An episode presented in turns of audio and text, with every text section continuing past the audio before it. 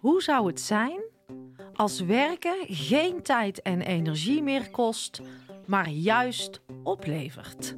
Geef ik mijn tijd aan hetgene wat mij energie teruggeeft? Geef ik mijn energie aan dat wat mij gelukkig maakt? Vandaag is de deadline.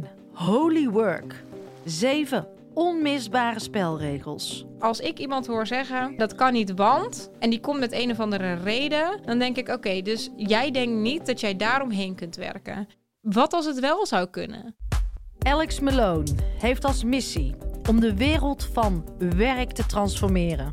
Energetische blokkades in ons werkveld worden opgeheven en nieuwe energie mag gaan stromen. De spelregels echt inzichtelijk maken van oké, als we dit transformeren op deze zeven plekken, dan, dan kan een organisatie ook echt op een hele nieuwe manier bouwen. We gaan beginnen.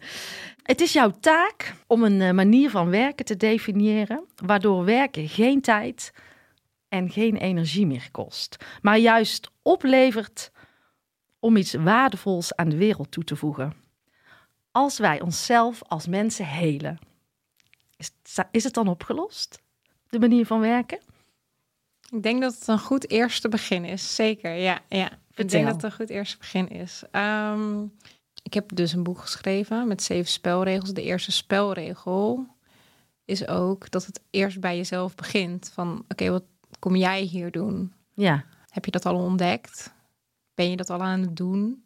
Heb je al het gevoel dat je waarde toevoegt of juist niet? Mhm. Ehm, ben je je tijd en energie aan het geven aan hetgene wat jij belangrijk vindt? Word je er gelukkig van? Krijg je er energie van? Is het de moeite waard om elke dag op te staan? Het zijn grote vragen. Het zijn grote vragen. En daarom denk ik ook echt dat het daar eerst begint. En het feit dat je dat nog niet aan het doen bent, zorgt voor een bepaalde uh, frictie in jezelf, Mhm, een bepaalde frustratie misschien, verdriet, gevoel van vastzitten, gevoel van te langzaam gaan. Het korte antwoord daarop zou zijn: ja, als je dat gaat helen, dan zijn we al een heel eind onderweg. Want dat betekent dat je gaat kiezen voor wat, je, voor wat jij belangrijk vindt. En voor wie jij diep van binnen bent. En voor de skills die jij hebt meegekregen. En de talenten die jij hebt. En daarvoor kiezen is op zichzelf helend. Ja, en als wij allemaal op onze eigen unieke plek gaan staan, hoe zou die wereld er dan uitzien? Oh, ik heb daar zoveel zin in. ik, Ik heb ook. daar zoveel zin in. Wat zie je Ehm, voor je? Ja, ik denk dat werk dat misschien niet eens meer zo bestaat, zoals het nu bestaat. Mhm. Dus ehm, ik denk dat we gewoon echt met elkaar aan het leven zijn. Ja, ja, dat we, eh, dat we met elkaar. Ja, en het, is, het, het, het, maakt me bijna gewoon. eh, het, ma- het maakt me bijna emotioneel. Zeker ook met wat er nu gaande is. En eh, elke keer opnieuw de, ehm, de hardheid die ook te zien is. Ehm, het leed wat elkaar wordt aangedaan. De strijd die we met elkaar op micro- en macroniveau voeren. Mm. ehm, die in onszelf zit. Hoort denk ik ook bij de ervaring op aarde, overigens. Mhm, mhm, zeker. Eh, maar het zou, zo, het zou zo mooi zijn als, ehm, als dat ook een einde heeft. Ja, en ja. ehm, dat er wel vanuit harmonie met elkaar samengeleefd kan worden. En dat het niet gaat over ehm, de materiële resultaten, maar echt over de groei. De groei die je te maken hebt als mens, als ziel, als wezen. Ehm, en ik denk dat als we daarvoor kiezen, dat ik weet niet precies hoe het er dan uitziet, want ik denk ook weer niet dat het één grote kumbaya, huppelende regenboog, weet ik veel, zeg maar. Dat denk ik ook niet. Nee, nee. En dat is, dat is denk ik ook onderdeel van de ervaring hier. Mhm. Ehm, dus dat er altijd opties zijn Ja. voor groei en lessen. Ja. Eh, en dat dat de reden is van ons bestaan hier. Dat, nou ja, het is maar gelijk een heel groot antwoord. ja, maar ik voel hem helemaal.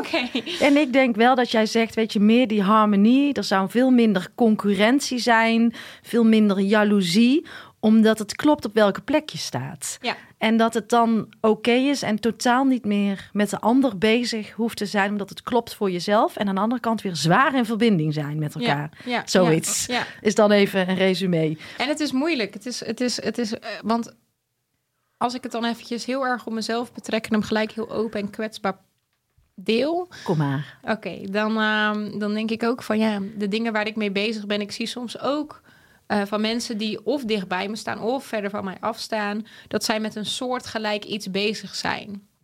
En aan de ene kant voel ik heel erg ehm, eh, het deel in mij wat denkt: wow, wat vet wat je aan het doen bent. En helemaal van: oh, wat vet dat we op ditzelfde pad ehm, eh, een verschil aan het maken zijn. Mhm, en jij mhm. helemaal op jouw manier en ik helemaal op mijn manier. Mhm. En tegelijkertijd kan ik soms ook, zeg maar, zo in mijn onderbuik zo'n zo'n teleurstelling naar mezelf. ehm, ehm, eh, ja, ik denk dat dat het vooral is. Teleurstelling naar mezelf voelen.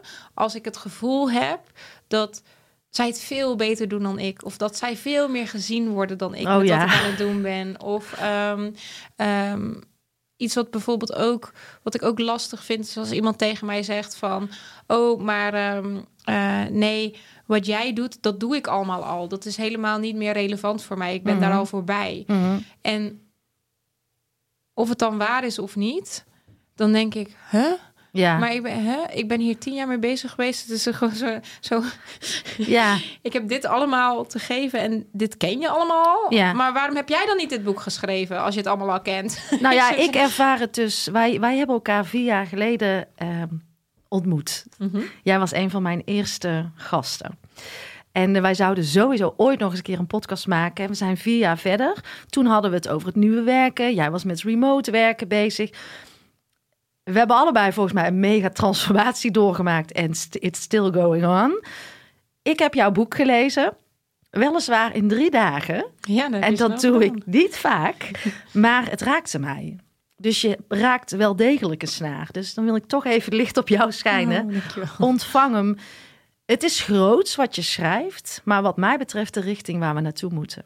En ehm, heel veel mensen, en dat schrijf jij in jouw boek, je hebt het ook over de copycats en eh, energetische, ja, als het niet helemaal klopt. Misschien doet niet iedereen het vanuit de juiste plek.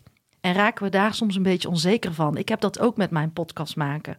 Maar jij staat echt op je plek. Alleen die nederigheid om aan dat grootste maar eh, toe te geven, is soms best een uitdaging. Dat het niet snel genoeg gaat. Anderen gaan sneller. Anderen kopiëren misschien dingen. Het is niet van hun, maar dit is van jou. Ja. Echt van jou. Dat wilde Ja. ik even tegen jou zeggen. Dankjewel. Maar ik ken de struggles. Ehm, de jury van jouw groei is nooit een andere persoon. Het zijn jouw woorden, hè? Ehm, want de jury is het leven. Hoeveel lessen had jij nodig om trouw te zijn aan jouw eigen visie? Oeh, ontelbaar, echt ontelbaar. En nog steeds. Gewoon wat je net ook al zegt, eh, still going, ongoing process. Gewoon die lessen blijven komen bij elke keuze die ik maak, maar de- bij elke keuze die iemand maakt. Op het moment dat je de keuze maakt, dan openen zich de lessen die erbij horen Ja, om de groei te kunnen pakken Ja. die bij die keuze hoort.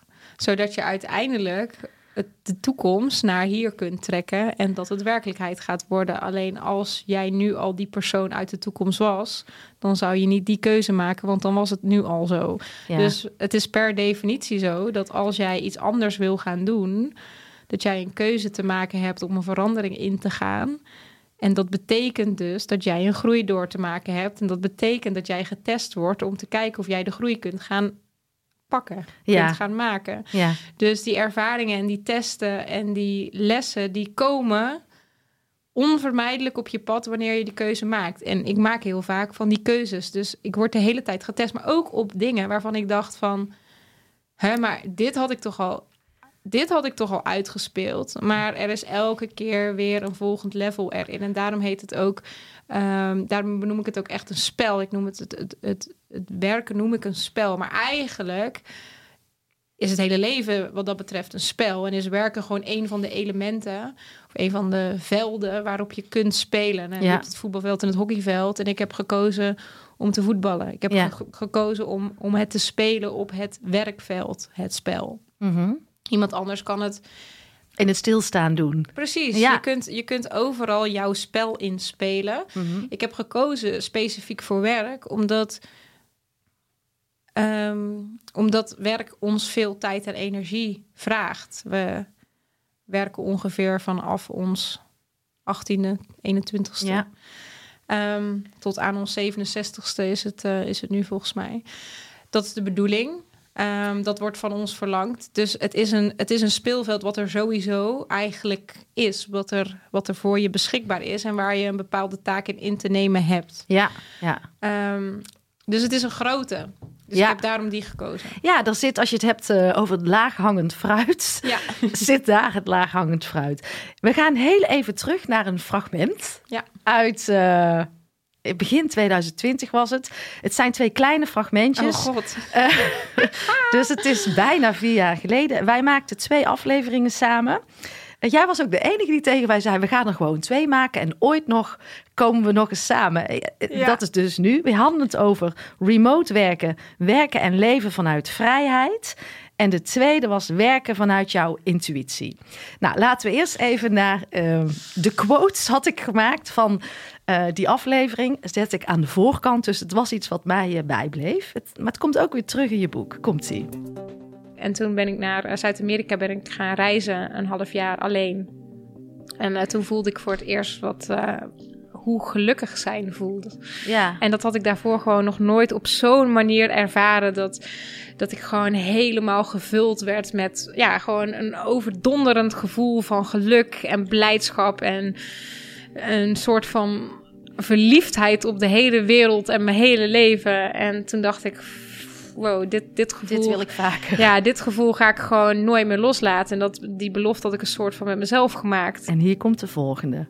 de default van de mens niet het rationele denken is, maar juist de intuïtie. En dat we ons dat in de westerse wereld hebben afgeleerd. Twee mooie one-liners. Ja, daar in Zuid-Amerika is wel echt een tipping point, een omkeerpoint voor jou gekomen. Ehm, maar ook jij was al heel zuiver in werken vanuit je intuïtie. Ik denk dat het nu in veel diepere lagen eh, is ontdekt. Zoals ik het stilstaan elke keer in een diepere laag mag ontdekken. Ehm, maar als je nu terugkijkt naar toen en eh, Alex die nou voor mij zit, waar zit jouw allergrootste ontwikkeling? Grote vraag. Oeh, het zijn er zoveel, maar mijn allergrootste. Ja, voor mij zit hij nu op dat stukje wie ziet mij. Ik zag mezelf niet afgelopen vier jaar in de podcast maken. Hmm. Daar hadden we het net even over. Van, ehm, dat ik heel erg vond, ik maak podcast, maar niemand ziet mij. Ik zet alleen maar, het gaat alleen maar over de ander. Maar het gaat niet over mij. Dit, dit is groter. Waar jij ook, als je je missie vindt, in je boek over schrijft, is dat je die nederigheid mag voelen. Dat je iets te doen hebt voor het grotere geheel. En sinds ik die omslag voor mezelf heb gemaakt, is de uitwisseling gekomen. Op Hmm. allerlei niveaus. Ja. Komt in één keer het werk, komt in één keer de mensen op mijn pad. Voel ik me in één keer goed. Dat was mijn allergrootste les. Want ik weet nog dat ik bij jou zat. Ik keek fucking tegen jou op. Oh, ja. En zul jij niet echt, echt. Ik stond echt helemaal mijn crush. En ik zag jou in, ja, in Bali op een. Toen zat je ook in Bali. Mooi, altijd een goede kop op de foto's, weet je wel, op Instagram. Maar zo keek ik naar jou. Dus het was niet gelijkwaardig. ja. En nu ja. voel ik dat gewoon heel anders. Oh, wat fijn. Ja, Oh, dat is ook wel heel vet om nu te merken dat dat dus echt in de, in de afgelopen vier jaar is gebeurd. Ja. Gewoon dat we nu op gelijkwaardige positie tegenover elkaar Ja. zitten. En niet op een ander Ehm, level. Op een ander level. Nou, dat is wel grappig. Ik, ik, ik parkeer nog heel eventjes de vraag. Ik ga hier, eh, eerst even hierop in, want ehm, dit is wel interessant. Want ehm, ik vind het heel fijn wat je nu zegt. Oké. Want dit is hoe, hoe ik ook naast mensen wil staan. Mhm. Maar het is me, nou dat heb je ook in het boek gelezen. Zeker, Het ja. is me vaak gebeurd dat iemand mij op de positie zet. Waarop jij mij dus vier jaar geleden ook hebt gezet. En Zeker. ik heb het niet in de gaten gehad. Want voor mij is dat niet zo. Nee. voor mij is dat nooit zo geweest. Of ik heb dat nooit op die manier gevoeld. Ik heb het ook niet vanuit jou ehm, naar mij gevoeld op dat moment. Nee. Ehm, het heeft denk ik dan ook in zo'n kort gesprek niet de tijd kunnen hebben om zich te manifesteren. Maar het heeft zich wel een aantal keer in mijn leven gemanifesteerd dat iemand die positie naast mij heeft ingenomen. En dan heb ik het specifiek over de positie die jij nu inneemt. Mhm. Het naar mij opkijken. Maar dan kom je eigenlijk iets halen. En dat is iets wat ik best wel ehm, aangrijpend heb gevonden. Mhm. Ehm, want ik wil heel veel geven. En als iemand dan komt halen, dan blijf ik ook nog geven. Te veel geven misschien. Ik heb wel een aantal keer echt wel veel gegeven. Mhm, ja. mhm, Ik heb mhm. wel echt een aantal keer veel gegeven. En ehm, dat is me ook een aantal keer best wel duur komen staan. Eh, ook binnen bedrijven, ook binnen werk. Nou daar gaat het dus ook in mijn boek over. Van, want ik heb het over gelijkwaardige samenwerking en waarom ik die zo belangrijk vind. Ik geloof echt dat gelijkwaardige samenwerkingen de sleutel zijn naar meer impact met elkaar maken. Mhm. Net als in een liefdesrelatie. Je ontmoet jezelf door de ander. Ja. En juist in een partnership met een liefdesrelatie ontdek je zoveel over jezelf. Mhm. En daar kennen we, ja, daar ke- herkennen we het ook ehm, dat, dat dit iets is wat gebeurt. Ja, Maar in werk is dat nog meer een taboe. Terwijl daar is het ook. Want Ja. daar zo ontmoet je jezelf ook door de ander. En ik heb bijvoorbeeld nu ehm, eh, twee mensen met wie ik heel nauw samenwerk. Ehm, eh, Leo, waar het ook over gaat Ja. in het boek, vanuit de Alliance. Eh, inmiddels Stari is mijn linker en rechterhand in Meetings in the Sun en in Mhm. Challenge Accepted. Dus wij, wij maken ook wel eens, we zeggen ook wel eens tegen elkaar, ja, jullie zijn, wij zijn eigenlijk elkaars belangrijkste relatie naast onze liefdesrelatie. De dingen die wij met elkaar zien en de dingen die wij met elkaar meemaken en de triggers die opkomen en wat we uitspelen met elkaar en het contact met eh, klanten, eh, wat daarin gebeurt, waarin, wanneer je wel of niet met iemand samen wil werken, wanneer je voelt dat je over je grenzen heen gaat, wanneer, wanneer de ander Mhm, ehm, mhm. over je grenzen heen gaat, dus echt in je werkrelatie. Ja. Dus het, er zit zoveel in. En daarom, ik merk ook dat als het gaat over samenwerken, dat mensen het spannend vinden. Ik heb één hele goede vriendin die zegt ook letterlijk: Ik wil niet samenwerken, want ik doe het liever alleen. Want er komt bij mij elke keer, er komt bij mij eigenlijk elke keer gezeik. gezeik. Mhm. Ehm, eh, ik, ik weet hoe ik het wil, dit is hoe ik het wil. Ehm, en zo ga ik het doen. Het Ja. is mijn bedrijf en, en ik snap dat. En tegelijkertijd denk ik ook van, ja, ik zou het ook zo bijzonder en mooi vinden dat, dat, dat zij, maar ook iedereen die er zo in staat, nog meer zou kunnen bereiken. Omdat ze dus op een gelijkwaardige manier met elkaar samen gaan, gaan werken. Want op het moment dat jij dus een team hebt die allemaal begrijpt wat jij aan het doen bent en waarom jij dat aan het doen bent, Ja. dan zit daar een bepaalde ehm, gelijkwaardigheid in, doordat het team dezelfde nederigheid heeft naar de missie als de founder. Ja. En dat is in mijn teams uiteindelijk gebeurd. En de founder is de visionair, hè, wat jij schrijft. Degene die de ideeën, die met het idee komt. En de andere mensen zijn de supporters die het mee gaan dragen. Dat ja, is een dus beetje... zouden, co- zouden co-founders kunnen zijn, maar het zouden inderdaad ook teamleden kunnen zijn. Dus daar zit dan nog wel Ja. ja. wat, wat je in de constructie doet, wat met elkaar ook goed voelt. Mhm. Het nieuwe werken, daar bleven wij vier jaar geleden. Ik Ja. vooral hangen. Ik was toen net klaar bij de Universiteit van Eindhoven, het hoofdgebouw opgeleverd. En eh, jij zegt, het is een pleister geweest op een diepliggende, stinkende wond.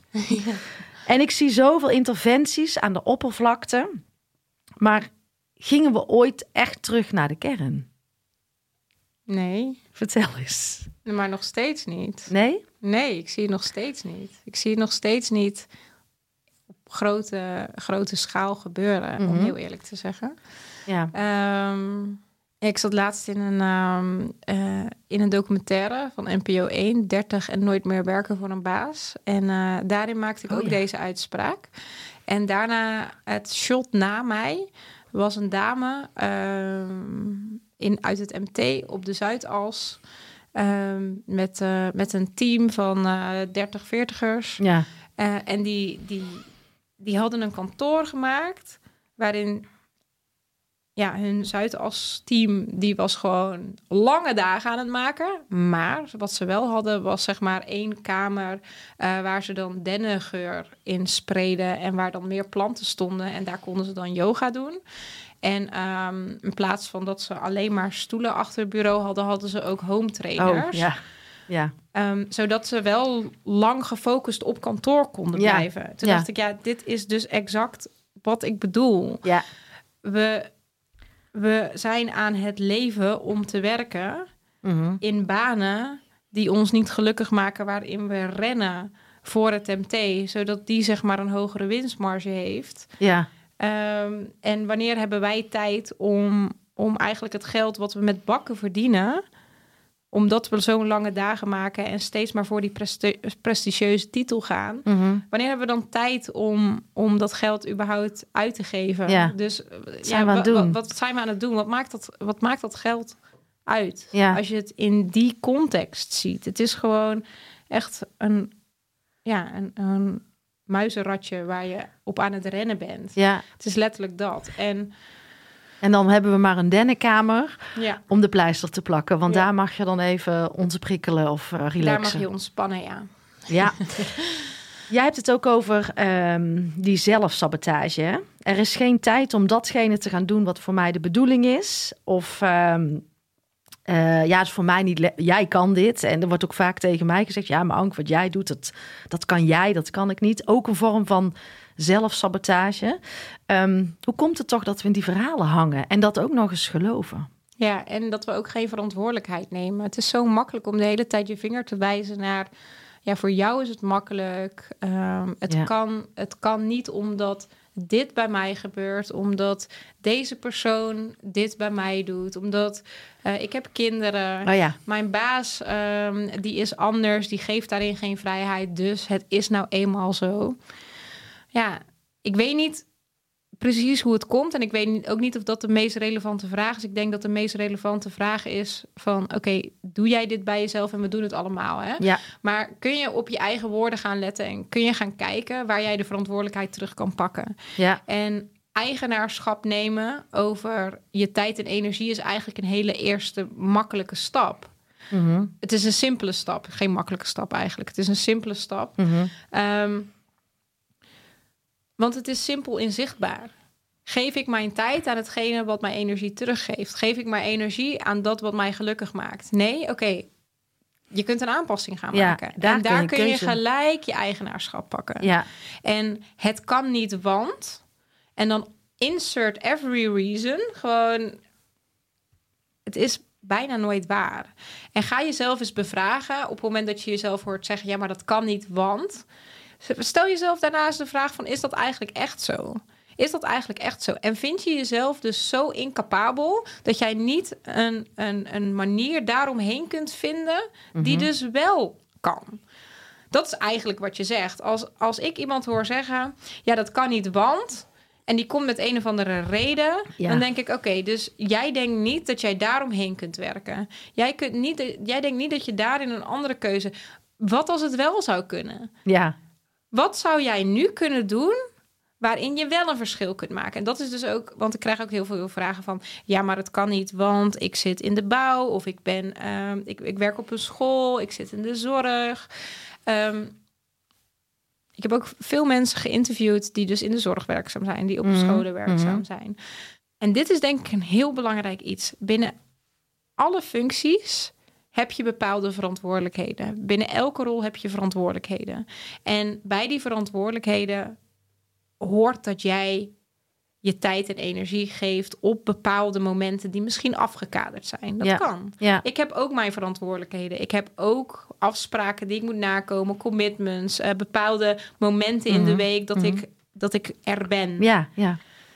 Maar daaromheen Is, is ook nog heel veel ruimte. En die ruimte, buitenom die verantwoordelijkheden die vaststaan, die ruimte die kun jij invullen op jouw manier. En daar zit ook letterlijk de mogelijkheid om je vrijheid meer te vinden en Mhm. om het te gaan doen op jouw manier. En dat is wat mij betreft eigenaarschap pakken. En dat is wat mij betreft volgens je eigen ritme gaan werken Mhm. en eh, gaan onderzoeken waar waar kan het dus wel? Ja. En daar zit ook het, het gesprek wat je met je manager bijvoorbeeld kunt hebben. Van oké, nou, het eerste gesprek gaat over...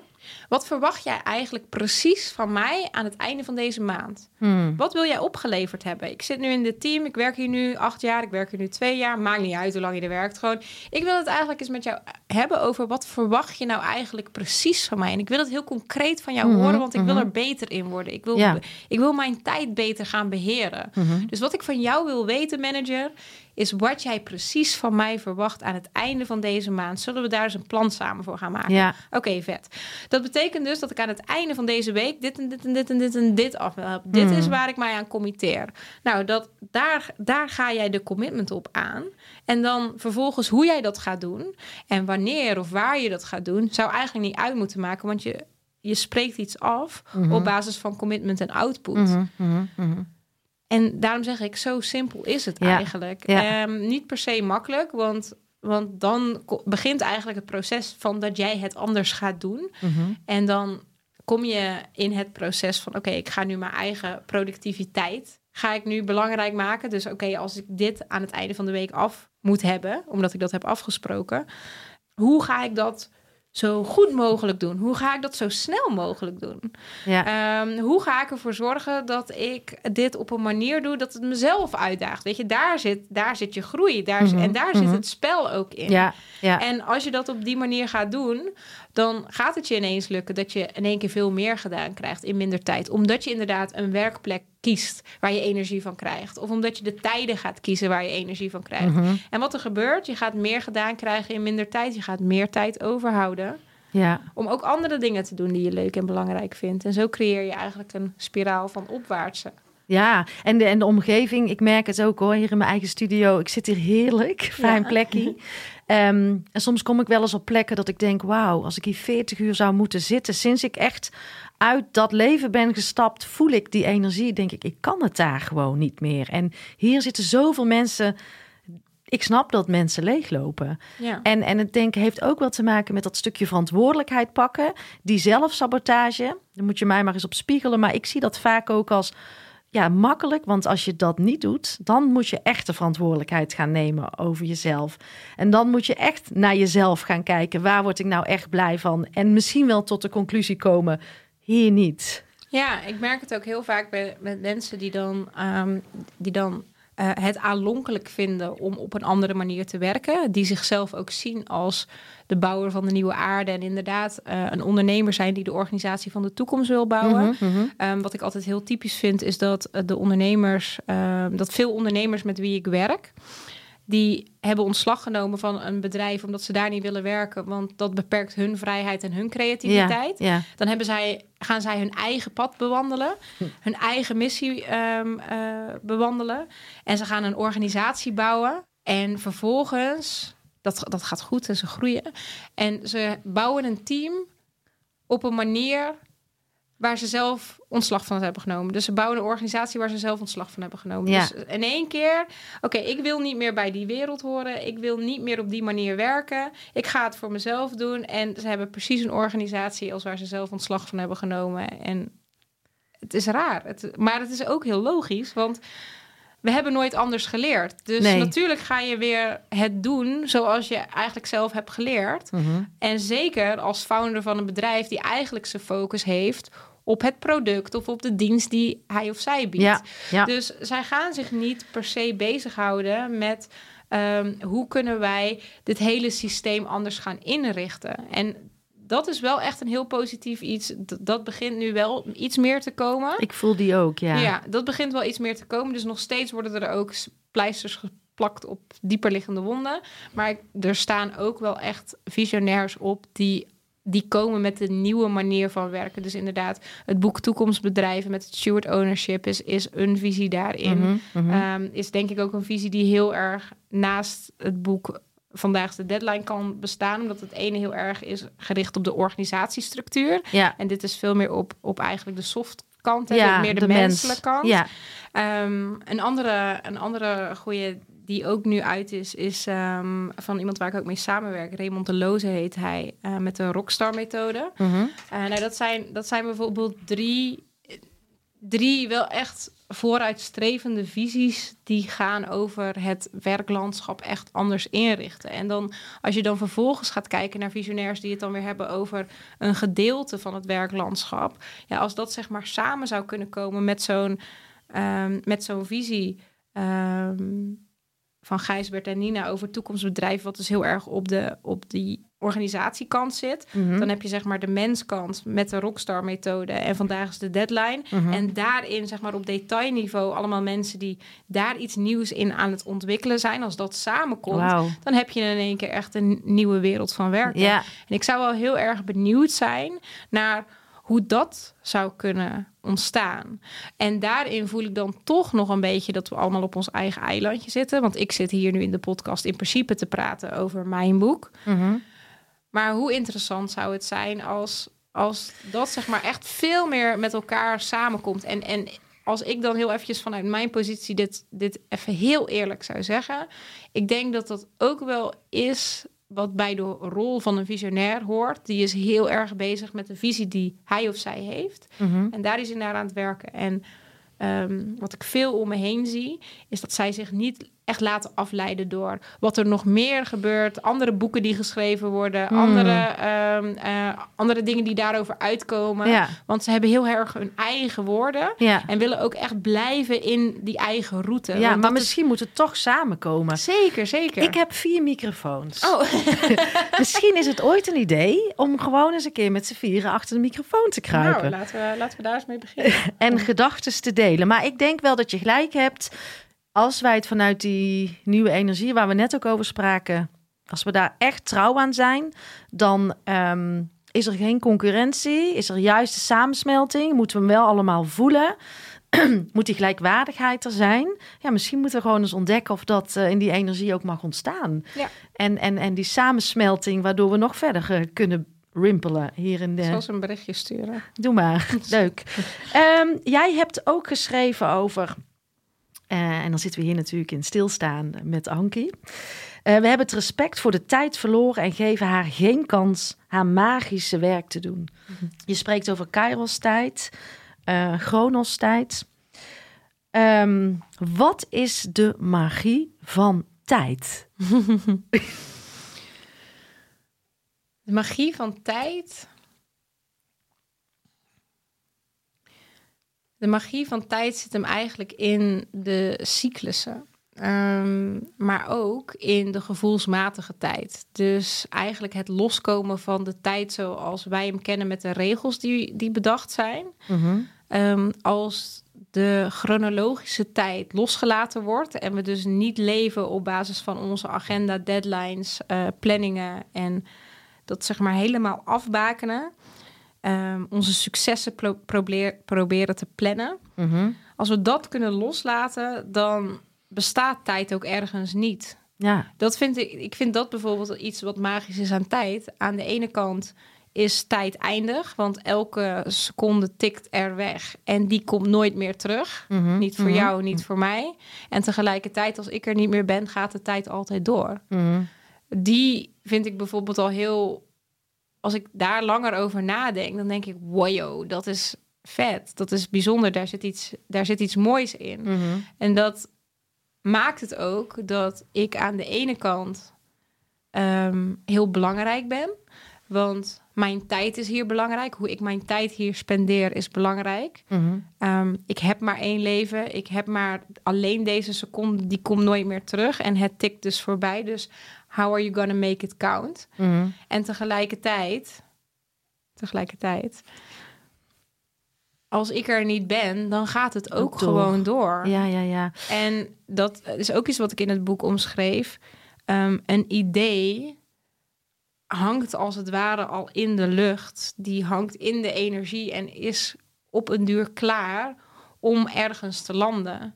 En een idee wat je krijgt, krijg jij omdat jij er iets mee kunt. Mhm. Dat Mhm. geloof ik. Dat geloof ik. Ik ook. Ja. Jij krijgt dat idee omdat jij capabel bent om iets met dat idee te gaan doen wat een waarde heeft Ja. dat maakt het al dat jouw tijd dus ook belangrijk is. Want er komt informatie naar beneden. Dat zit ineens in jouw hoofd. En dan Mhm. ga jij er woorden aan geven. En jij gaat het samenvoegen met de persoon wie jij bent en de skills die jij hebt.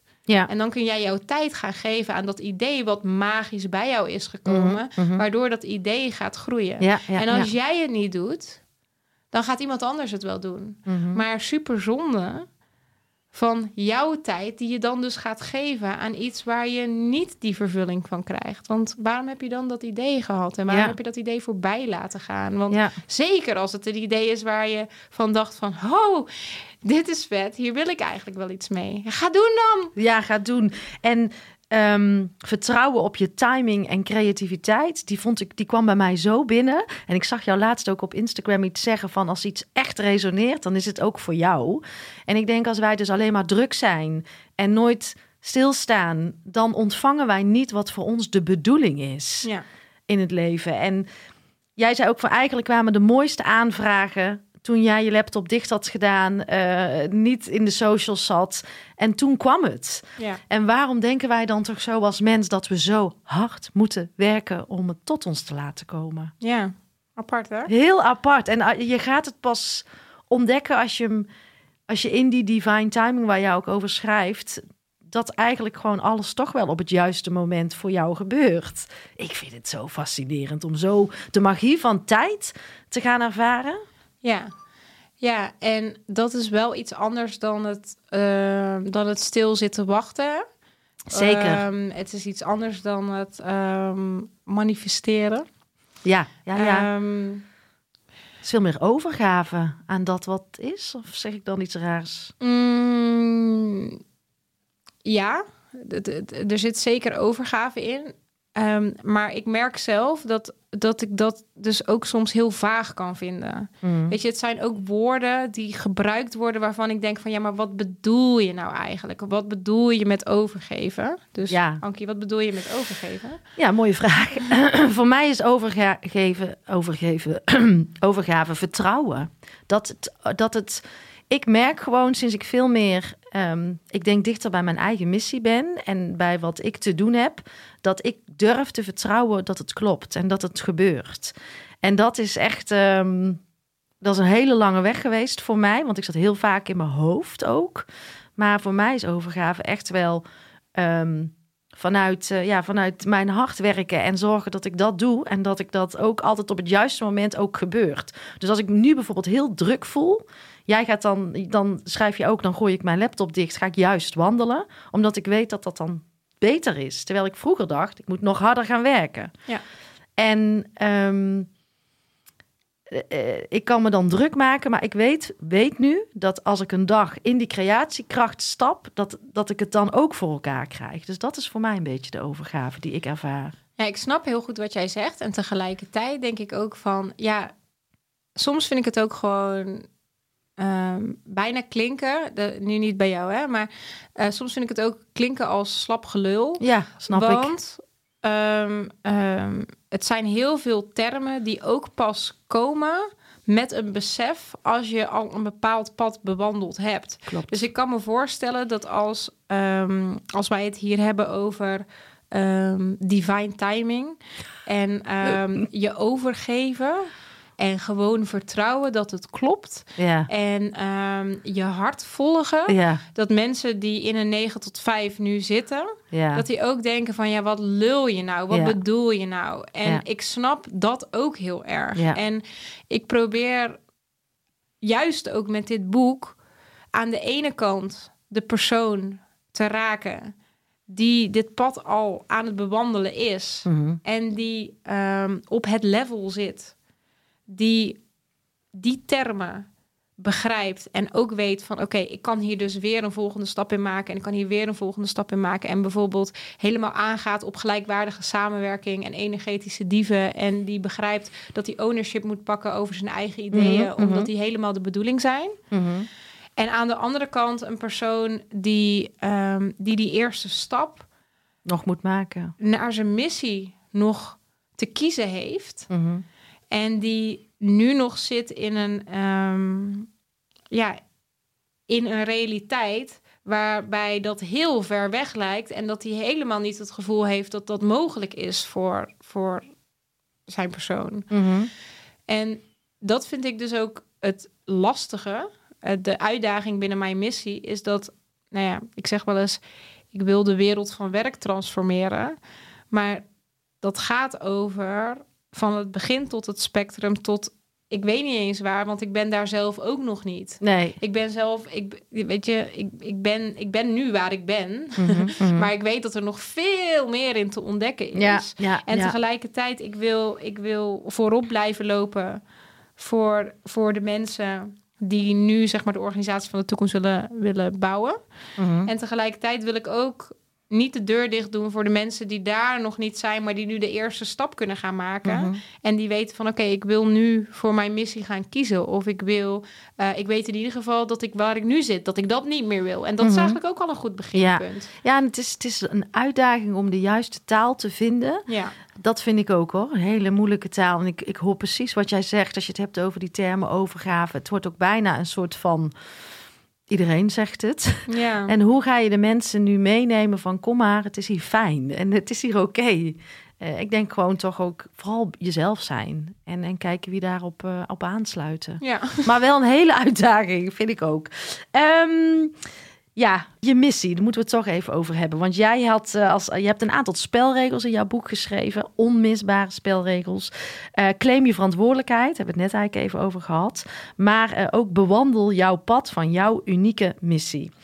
En dan heb je het over, laat je nooit tegenhouden door de om- omvang van je missie. Soms is die heel bombastisch en soms is die juist heel op detail, detailniveau. En dat vond ik, dat dacht ik, hey, dit is helpend voor mensen, omdat we vaak heel groots denken. Jij denkt groot, ik durf groots te denken, maar het hoeft niet altijd groot te zijn.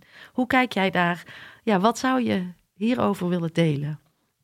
Ja, eigenlijk die zin die, die, die zegt wel heel veel. Ja. Het, Ja. het kan heel groot zijn, het kan heel klein zijn. En laat je in beide gevallen niet tegenhouden. Niet omdat hij zo groot is, denken dat je het bijvoorbeeld niet kan. Ja, Of omdat hij heel klein is, dat het niks uitmaakt. Ja. Ehm, of dat je er niet toe doet omdat je te klein bent. ja. Als, als hij klein is, dan is het zo belangrijk dat je daar in je positie inneemt, omdat op detailniveau van mens tot mens er zo'n verschil gemaakt kan worden, wat ook nog eens heel tastbaar is. Mhm. Het lijkt mij soms ook wel heel fijn om een missie op detailniveau te hebben, dat je ook echt direct de impact ziet van wat jij doet. Ja, Ehm, wanneer je een, een hele grootse visie hebt en je, eh, je denkt bijna van ja, maar dit kan toch niet, dit kan ik toch niet. Mhm. Die visie heb jij omdat je het in je hebt. ja, Dus je kunt het. En bij allebei is het echt van zo van levensbelang eigenlijk. Want dat is Mhm. waarom jij dit leven hebt gekregen en deze missie hebt gekozen. Mhm. Om het te gaan uitvoeren en gewoon te gaan beginnen. En wat ook nog is, ehm, want jij, jij zegt nu bij mij van ehm, dat ik een grootse missie heb, maar die is niet groots begonnen. Dus dat is ook nog wel interessant. Dat sommige mensen meten zich als ze een kleine missie denken te hebben, Mhm. Ehm, dat die altijd klein of op detailniveau blijft. Maar dat is helemaal niet zo. Want bij mij begon het met in eerste instantie dat ik mijn eigen tijd en energie wilde inzetten ja. voor dat waar het een impact maakte. En dat begon dus heel klein. Het begon niet direct met ik ga de wereld van werken veranderen. Daar begon het helemaal niet. Het, het, is, het is gegroeid. ja. En dat geloof ik ook heel erg, dat, dat daar eigenlijk misschien wel de grootste kracht in zit. Dus ook voor de mensen die de grootste, grootste missies doorkrijgen. Het gaat je ook alleen lukken als je die eerste kleine stappen gaat zetten. En als je daar zo het vallen en opstaan ervaart. Want zo bouw je je Mhm. energielevel op. Je Mhm. energielevel bouw je op door een commitment aan te gaan. Een keuze te maken Mhm. en daar naartoe te werken. En wanneer je dat doet, Mhm. en de lessen onderweg aan het leren bent, dat is hoe je groeit. En als je groeit, dan kun je steeds een beetje meer aan van de missie die je uiteindelijk helemaal kunt gaan dragen. ja. Dus ehm, eh, ja, het is, een, eh, het, het, het is echt een pad. Het is niet iets wat er nu is en wat in eh, steen gegraveerd staat. Het is, het is echt iets wat zich ontwikkelt Mhm. met jouw ontwikkeling mee. Stopt jouw ontwikkeling, ben jij aan het stilstaan, dan staat jouw missie op dat moment met jou mee stil. Ja, Dus dan is dat het. dan is dat het, ja. En, en, en ik denk dat het dus inderdaad heel klein kan beginnen. Maar hoe, of misschien is dat ook weer zo'n vraag om juist niet in beweging te komen. Hoe vind ik nou mijn missie? Is misschien ook al bijna zo'n vraag om maar niet in beweging te hoeven komen. Hè? Net als dat we zeggen, ja, jij kan het allemaal en ik niet. Want hoe weet je wat je missie is? Ja, dat is sowieso een beter gestelde vraag. Want hoe vind je je missie? Je missie heb je al. Ja, Die is bij je geboorte meegekomen. Daar Mhm. heb je zelf voor gekozen. Dus ehm, hoe kom je er eigenlijk opnieuw mee in contact? Nou, het stilstaan met Ankie. Gewoon in eerste instantie sta eens stil. ja, Sta eens stil en ga eens luisteren wat er in jouw binnenwereld leeft. ja. De grootste richtingaanwijzers ehm, komen uit je binnenwereld. Dat is namelijk je grootste frustraties zijn een antwoord. Je grootste passies zijn een antwoord. Mhm, Eh, je talenten zijn een antwoord. En als je die gaat samenvoegen mhm. en daar een actie op gaat nemen en dus die energie gaat volgen van je passies, talenten, Mhm. dan begin je het pad van je missie te openen. Ja, ja, ja. Jij schreef ook mooi over de transformatieladder. Ja. En eh, over die omgeving. Ehm, en toen dacht ik, nou, organisaties praten ook vaak over eh, bijvoorbeeld blije mobiliteit. ja. Maar ja, als jij dus je omgeving van je, van je omgeving verandert, kom je eigenlijk in beweging om te gaan ontdekken. Ja. Die vond ik zo tof dat ik dacht, dus het is juist goed dat wij gaan bewegen. Daar kan je ook antwoorden gaan vinden. Ja, dat maakt het heel, eh, maakt het heel tastbaar. Hè? Maakt Ja. transformatie heel tastbaar. Dus wat de omgevingsladder, of wat de transformatieladder eigenlijk zegt, is dat ehm, wanneer je de eh, meest laagdrempelige stap eh, pakt, dat is dus omgeving, als je die aanpast, wat er eigenlijk automatisch gebeurt, is dat Ja. vervolgens je gedrag verandert. Wat eigenlijk heel logisch is als je Ja. erover nadenkt. Want je hebt heel ander gedrag als je ehm, een podcast host bent in Gilze.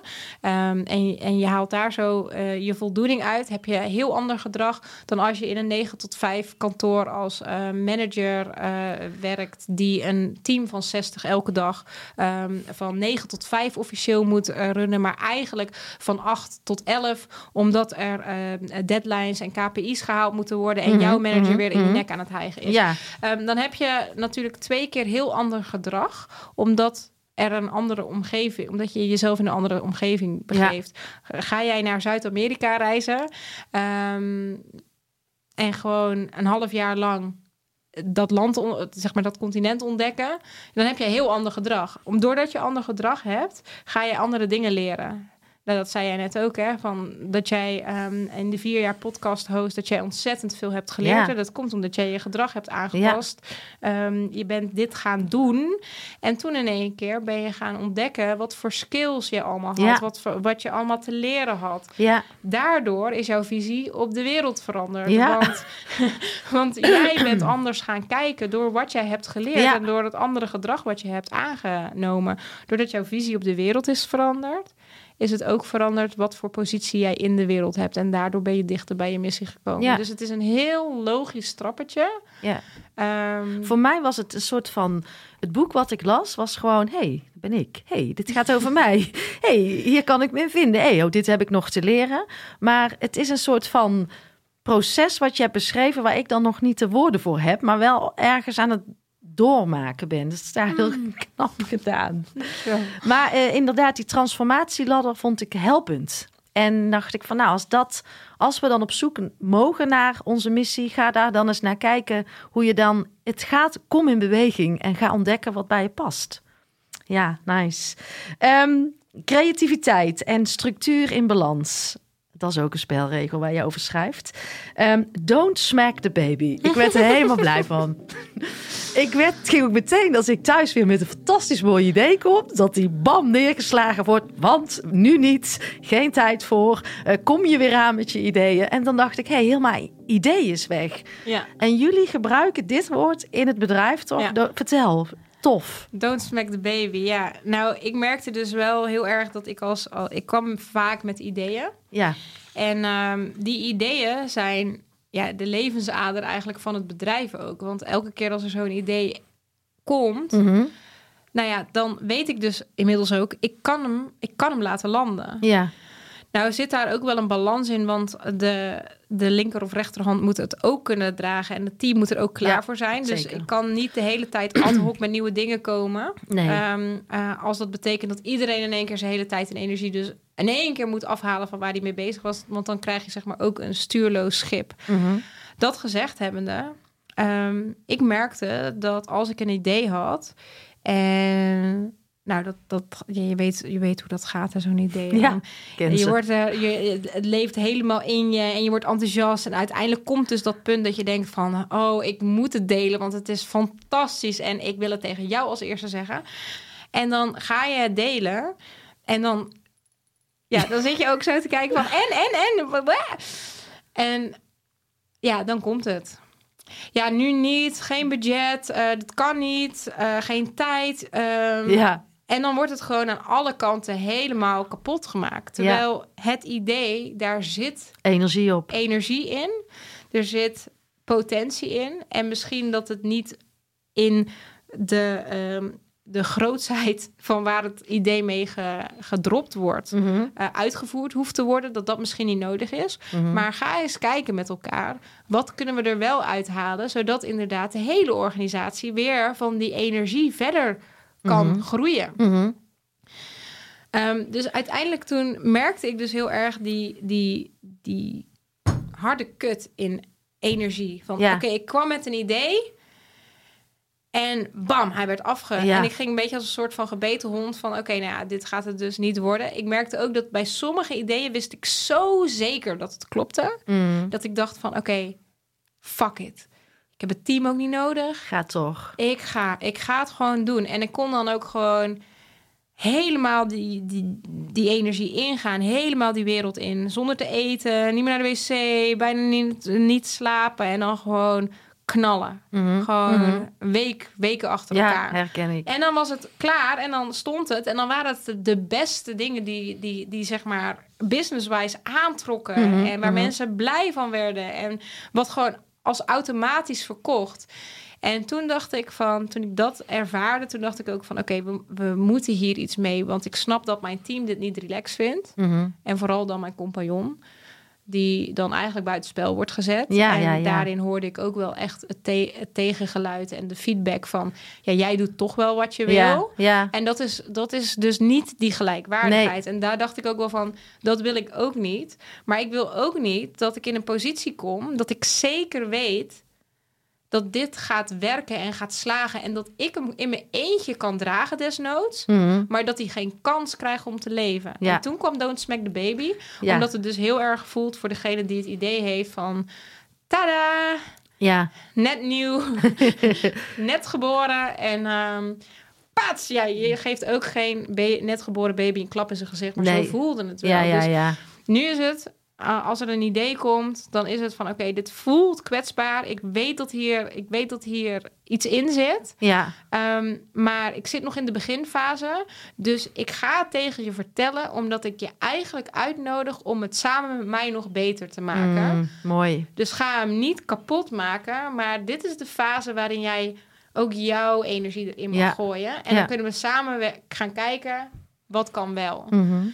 Dus de Don't Smack the Baby is eigenlijk de uitnodiging van... oké, laten we de baby samen adopteren. Ja, mooi. Ja, ik denk dat wat jij zegt, creati- creativiteit laten managen, is wellicht wel de grootste energielek. Creativiteit is levensenergie. En nu ik even helikopter en ook kijk naar alles wat jij neerzet, denk ik, het lijkt wel of jij nieuwe energie laat stromen door organisaties. Mm, dankjewel. En ehm, door op allerlei niveaus de angel, de blokkades eruit te halen. En dat is ook dat stuk. Ik sprak bijvoorbeeld vorige week Mark Tuitert. En hij ging niet sneller schaatsen omdat hij heel veel trainde, maar omdat hij iets met zijn vader had op te lossen in de relatie. Dus hij zit veel meer ook op de emo- emotionele stuk waar jij over schrijft. Hè? Claim je verantwoordelijkheid. En als je dus op al die plekken, ga ook op de juiste plek staan. Dat mensen ook wel zichzelf de vraag mogen stellen. Als we het dan hebben over concurrentie en mensen die misschien waarvan wij denken beter zijn. Is het wel de bedoeling dat dit mijn idee is? Is dit echt van mij? Zo, of, of moet ik het misschien bij een ander laten? Als, als dat er allemaal uitgaat, En dan hebben we nog vijf andere spelregels waar je ook over schrijft. Dan floot het, dan stroomt het, dan stijgen we op, joh. Ik Ja. zie het voor me zo. Pop, pop, pop. Dat is wat je doet. Ik vind het wel vet wat je zegt, dat, eh, dat die zeven spelregels eigenlijk blokkades inzichtelijk maken. Ja. Ehm, zo had ik er zelf nog niet naar gekeken, maar als je het zo zegt, denk ik, ja, ik denk dat dat wel klopt. Ik denk dat, Ja. het, ik denk dat het klopt eh, dat de spelregels echt inzichtelijk maken van, oké, als we dit transformeren op deze zeven plekken, dan, dan kan een organisatie ook echt op een hele nieuwe manier bouwen. Ja. En dan is er, dan is er ook, dan is het heel duurzaam om een bedrijf te gaan bouwen Ja, omdat het een, een kleiner team waarschijnlijk is, maar veel efficiënter, veel gelukkiger. Het haakt heel veel van de thema's aan die nu spelen, zeg maar de war on talent, ja, uitvallen van burn-outs, Ja. te hoge werkdruk, maar ook de generatiekloven. Ehm, eh, dat zijn allemaal onderwerpen die nu heel relevant zijn, Mhm. die eigenlijk allemaal opgelost worden op het moment dat je vanuit missie gaat werken, eh, waarin je ehm, Juist. structuur dienend laat zijn aan creativiteit. De structuur is er wel, ja. Maar op een hele andere manier Ja. zoals ze nu wordt vormgegeven. Ja, ik, ik, zie- ik zie dat echt helemaal voor me. Net zag ik in één keer, ja, dit is wat, wat er mag gebeuren. En ehm, wat jij ook zei over tijd, in het veel meer in het ritme van de natuur, tip je ook even aan. Het is eigenlijk heel raar dat wij na kerstmis toe iedereen als een dolle gaat lopen chasen. Helemaal moe is daar die kerst ingaat. Heel dat biologische ritme van jezelf, van de maan, van, van, van de seizoenen niet meeneemt. En als, dat is ook een blokkade. Ja, zeker. Voel zeker. ik ook als een hele Ja, sterke ja. blokkade. Grote energielek ook. Ja. Ja. En ehm, het is mooi dat die spelregels bijdragen aan die blokkades. En eh, denk ik dat, dat we dan helen. We gaan eh, richting afronding. En ik wil iets citeren uit jouw boek. en dan ga ik gewoon het boek er even bijpakken. Oh, als ik weet waar het staat. Ja, ik weet het. Wacht. Ja, dan ga ik het zo doen. De keuze je tijd en energie niet langer in te ruilen voor geld, maar te vertrouwen op de set met skills en passie waarmee jij hier op de aardbol bent gezet. Daarmee kun je namelijk een belangrijke bijdrage leveren aan het geheel. Een bijdrage die er niet alleen voor zorgt dat je zelf een zinvol en vervullend leven leidt, maar de mogelijkheid ook creëert voor de generaties die na jou komen. Ja, voor mij zegt dat alles. Dat we dat moeten gaan doen. Die keuze, ja. Die keuze gaan we vandaag eh, een aantal mensen hopelijk in beweging zetten die ook die keuze gaan maken. Drie simpele stappen. Wat, wat wil je nog meegeven vandaag? Drie simpele stappen voor die keuze, letterlijk. Ja.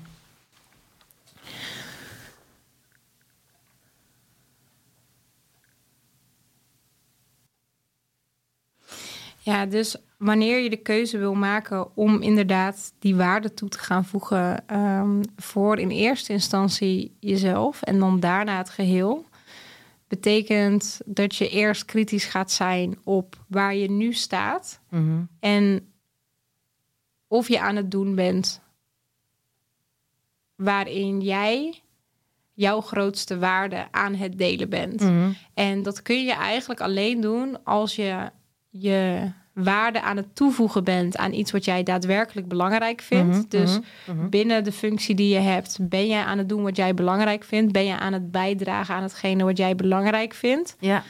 Ehm, en maakt het jou gelukkig? Die. Dat is de eerste vraag. Dat is de eerste stap. Ja. Dan vervolgens, dat is, een, dat is in die end een ja of nee vraag. Ja. Ja. Dus niet een deels, want een deels is dus nee. Mhm. Dus het is een ja en nee vraag. Ehm, als het ja is, dan is het van oké, waar zit jouw expansie? Waarin kun jij ehm, jezelf uitdagen Mhm. Mhm. om nog meer toe te voegen? Of waarin kun je jezelf uitdagen om meer te leren? Mhm. Mhm. Ehm, waarin kun je jezelf uitdagen om iets nieuws te ontdekken? Want als je niet een van die drie dingen aan het doen bent, dan ben je aan het stilstaan. Mhm. En wanneer je niet groeit, gaat dat een gevoel geven van langzaam van binnen sterven. Ja, ja, ja. Uh, dat is de sleur. Dan, dan ben je alsnog, zeg maar, eigenlijk opnieuw in de, in de val gelopen van je tijd en energie, maar gewoon um, gedachteloos geven aan hetgene waar je op dat moment mee bezig bent. Mhm, maar dat is mhm. niet hetgene wat jou uiteindelijk de vervulling gaat brengen waar je naar op zoek bent. Dus dat is dan je volgende stap Mhm. daar. Is het antwoord nee, dan is het oké, we gaan nu ehm, eh, mijn tijd en energie geven aan iets wat, wat ik daadwerkelijk belangrijk vind. Ja, ja. Ehm, en dan is het een ontdekkingstocht van: oké, wat vind jij dan eigenlijk belangrijk? Waar heb jij een frustratie? Wat zie je graag anders in de wereld? Wat voor talenten heb je? Wat, wat vind je fantastisch leuk om te doen? Ehm, als je zelf niet weet waar jouw grootste talenten is, vraag het aan anderen. Vraag Mhm. aan anderen: waarom ga je graag met mij om? Wat vind je bijzonder aan mij? En ga Mhm. dat maar eens aan tien mensen vragen in je omgeving: je partner, je ouders, je kinderen, eh, je collega's, goede vrienden, vriendinnen. Ehm, en als je dat aan tien mensen vraagt, ga je een rode draad ontdekken. Want je gaat bepaalde dingen de hele tijd terug horen. Mm. En wat zou je kunnen gaan doen met dat wat jij terugkrijgt als talent, als wat waar mensen dus waarom mensen graag met je omgaan, waarom ze je bijzonder vinden, waarom ze graag bij je zijn. Wat als daar zo een baan van te creëren is? En ga eens gewoon creatief nadenken van hoe zou je daar je geld mee kunnen verdienen? Op wat, in welke functie zou dat terugkomen? Waar zou jij dat talent kwijt kunnen? Mm. Ja, en dit is al een onderzoek van Even. even. Ja. Dus ehm, ik heb nu twee stappen genoemd. Mhm, En er zitten best wel veel uitkomsten al aan. mhm. En het gaat nog veel meer uitkomsten hebben als zeg maar elke luisteraar dit gaat doen. Ja. Want het is letterlijk voor iedereen een andere uitkomst. Ja, ja, Dus, ja, ja, ja. ehm, het, het, het zit hem ook echt in het, in het doen. Ja, ja. En ehm, nog één ander puntje wat ik erbij zou kunnen benoemen is een reden waarom niet in beweging te komen. ehm, staat ook in het boek overigens, ehm, zou zekerheid zijn. Het willen hebben van zekerheid. En ik benoem dat met de Six Human Needs of Fulfillment van Chloe Maddenens. Mhm, We kiezen heel mhm. vaak voor zekerheid. Ja.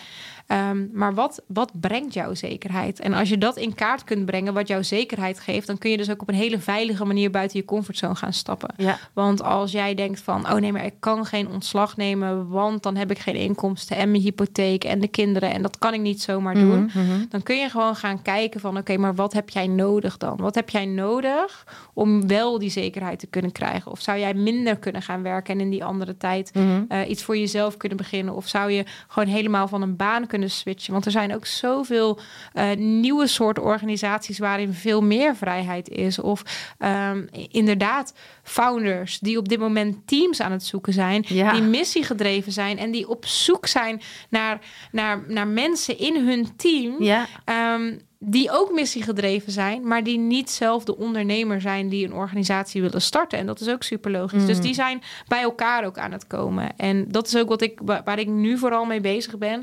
Ik ben vooral visionairs en integrators bij elkaar aan het, aan het zoeken. Nice, En ja. bij elkaar aan het brengen, zodat zij echt de teams van de toekomst kunnen gaan formeren vanaf nu. ja, fantastisch. Nou, het, het zijn grote stappen, maar ik denk wel dat we het kleiner kunnen maken en gewoon in beweging komen. En ja, er is structuur, ja, er zijn regels, maar daarbinnen moeten wij met elkaar, denk ik, de vrijheid en de verantwoordelijkheid gaan nemen om te gaan bewegen. Want wij zijn het die de movement kunnen gaan maken. Ja, echt eh, bottom-up. Ja. Bottom-up. Ja. Oké, lieve Alex, ik vond het fijn dat je er weer was. Eh Dank je wel. Thanks for having me. Het was eh, heel fijn om Alex weer even te zien na vier jaar. Mooie ontwikkelingen van ons beiden, maar ook veel meer die gelijkwaardigheid die ik voelde. Wat eh, vooral ook bij mij zat, zoals je ook hebt gehoord in de podcast. En we liepen de studio uit, we liepen naar buiten, waren nog eh, lekker aan het kletsen, kregen het weer over de afgelopen vier jaar. En wat we allebei herkenden was dat we de strijd in onszelf, met onszelf zijn kwijtgeraakt. En dat we nog steeds grote plannen hebben, dingen in beweging willen zetten, maar vanuit een hele andere plek. Veel milder. Veel minder vanuit strijden, maar zachter, milder. En toen zei Alex: hey, ik ben eigenlijk helemaal niet meer teruggekomen op de vraag: wat is nou die grootste ontwikkeling die je hebt doorgemaakt? En als ik dan nu antwoord zou mogen geven, dan is dit het. Het is echt een hele andere energie die je dan voelt. En uh, ik weet het zeker. Met deze energie gaat Alex de wereld van werk transformeren. Lieve jij, dankjewel voor het luisteren en dankjewel voor jouw oprechte tijd en aandacht. En hoe meer mensen ik kan gaan bereiken, hoe beter, want ik geloof zo sterk in die ripple. En jouw bijdrage, jouw steun is natuurlijk welkom. Altijd fijn. Doneren kan je doen via mijn site. En je vindt ook een link in de show notes. Of ben je al geabonneerd op mijn podcastkanaal? Altijd even doen, want dan ontvang jij als eerste de nieuwste afleveringen. Maar ook jouw review is fijn om te ontvangen. Fijn als je deze podcast wilt delen in jouw eigen netwerk. En ga je nou helemaal aan op alle thema's die voorbij komen op dit uh, kanaal? Kijk dan eens rond op mijn website, want misschien mag ik iets voor jou betekenen of voor jouw organisatie. En wil je met podcast aan de slag, dan uh, weet je mij ook te vinden. Op mijn website www.ankievansteen.nl ga je alles vinden over mijn aanbod en ik zou het leuk vinden om een keertje kennis te maken. Tot de volgende podcast.